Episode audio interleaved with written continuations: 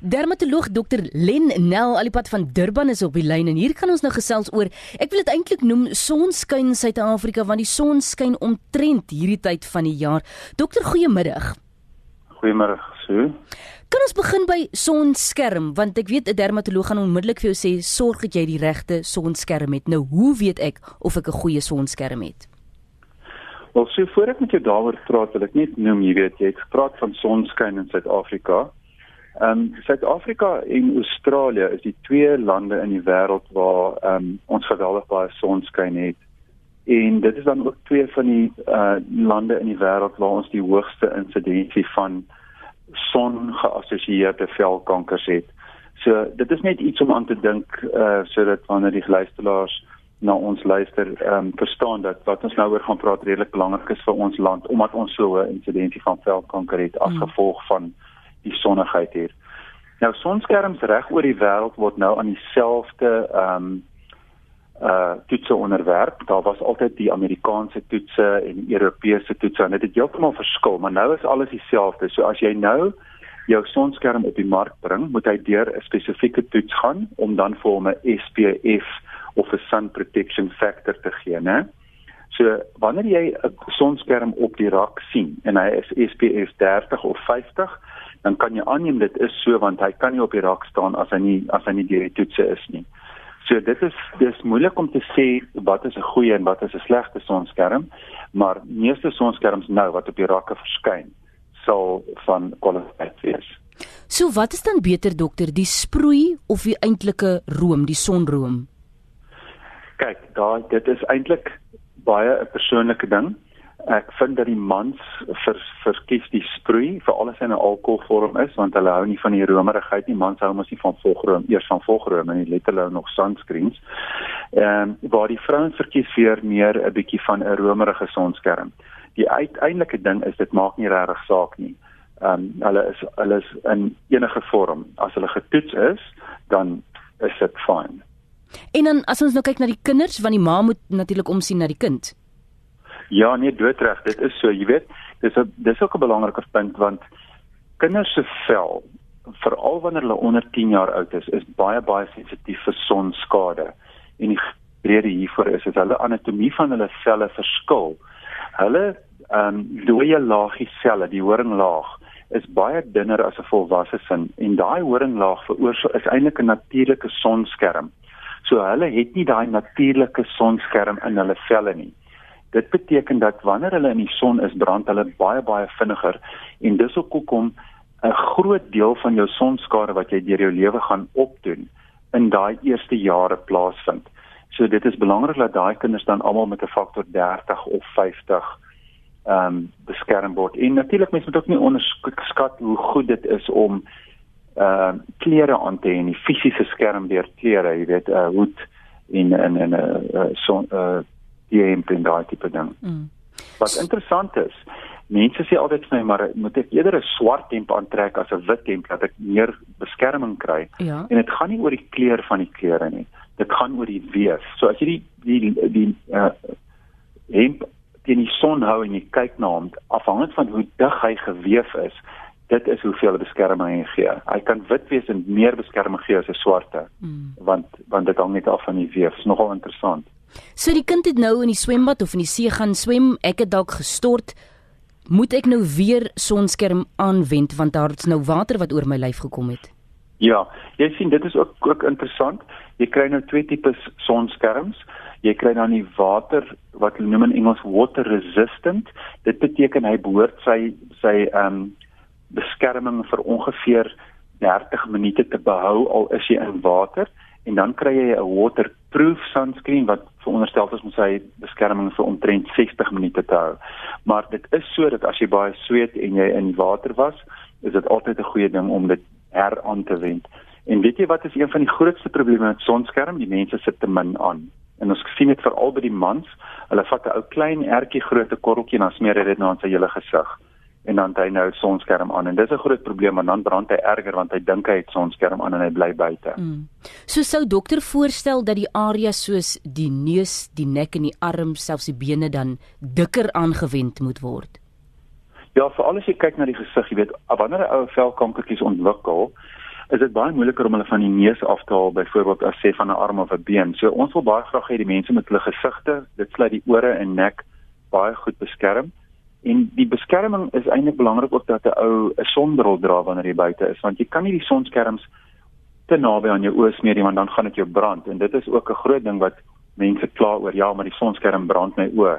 Hmm. Gebruik 'n sonbril en smeer dit dan 'n bietjie verder van jou oë aan. Hmm. En 'n ander belangrike ding wat mense ook nie besef nie is ek vind dat van my pasiënte wat ek sien wat die ergste sonbrand opdoen, doen dit op wanneer dit 'n koel bewolkte dag is. Want wanneer dit bewolk is, dan word al die sigbare lig of baie van die sigbare lig wat ons help om te sien uitgefilter. Maar ultraviolet lig wat die sonbrand veroorsaak, gaan dwars deur die wolke.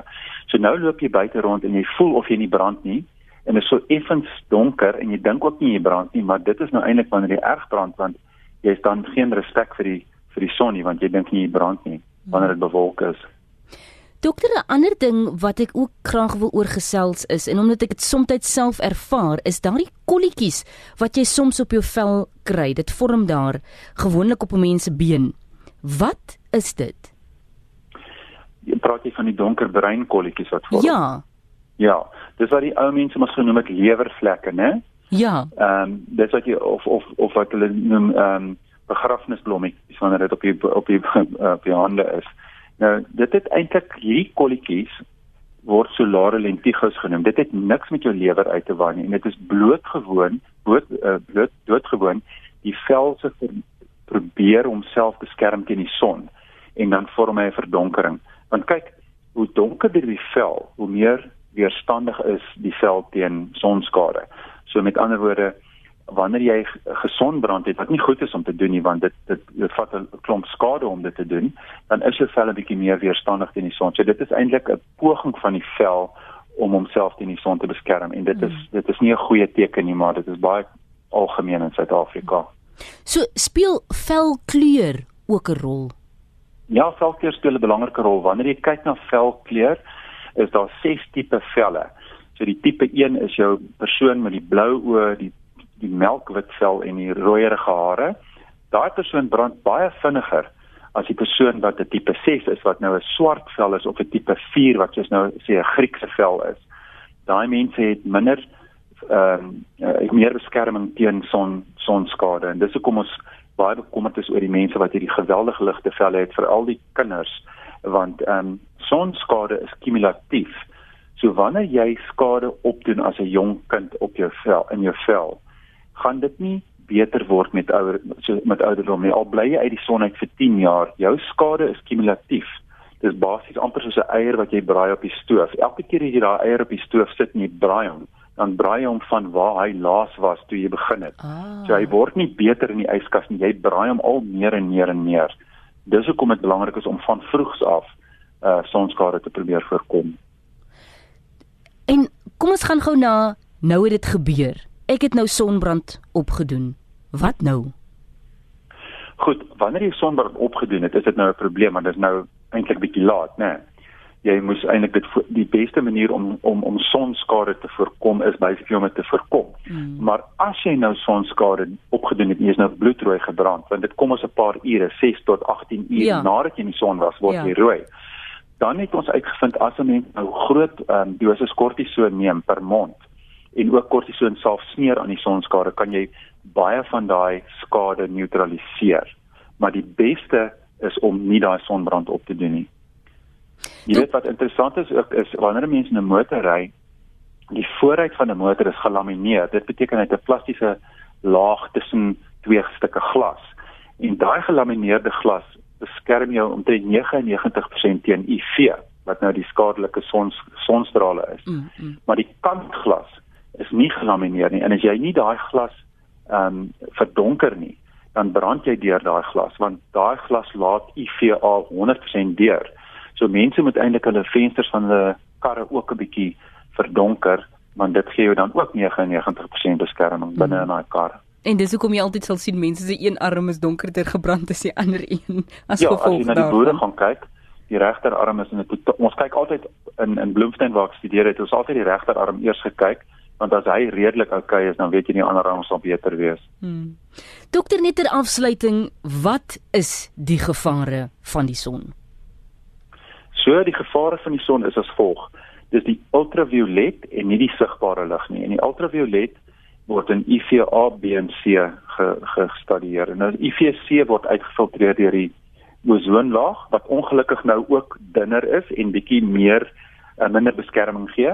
En dan jy UVA en UVB. UVB is 'n korter golflengte en hy is die een wat jou vel rooi brand en die oppervlakkige selle beskadig. Die UVA is die langer golflengte en hy beskadig die die selle dieper in en speel 'n baie belangrike rol in velkanker en velveroudering. So die probleem met oormatige UV-bestraling is versnelde veroudering van jou vel, hoër insidensie van velkanker, dit sluit in melanoom en nie melanoomkanker. Maar ek dink wat vir mense belangrik ook is, veral vir die vrouens, is dat versnelde veroudering speel 'n groot UV speel 'n baie groot rol daarin. Dis hoekom ek altyd sê die beste volgroom wat jy in die dag kan aansit is eintlik maar net 'n sonskerm. Dit sal jou baie stadiger laat oud word. Baie dankie dokter, dit was nou baie interessante gesprek. Geniet die vakansie en 'n eh, sterkte daar met die werk wat dokter vir die volgende jaar nee, gaan doen. Baie dankie. Thanks sir. Al van die beste. Dermatoloog dokter Len Nel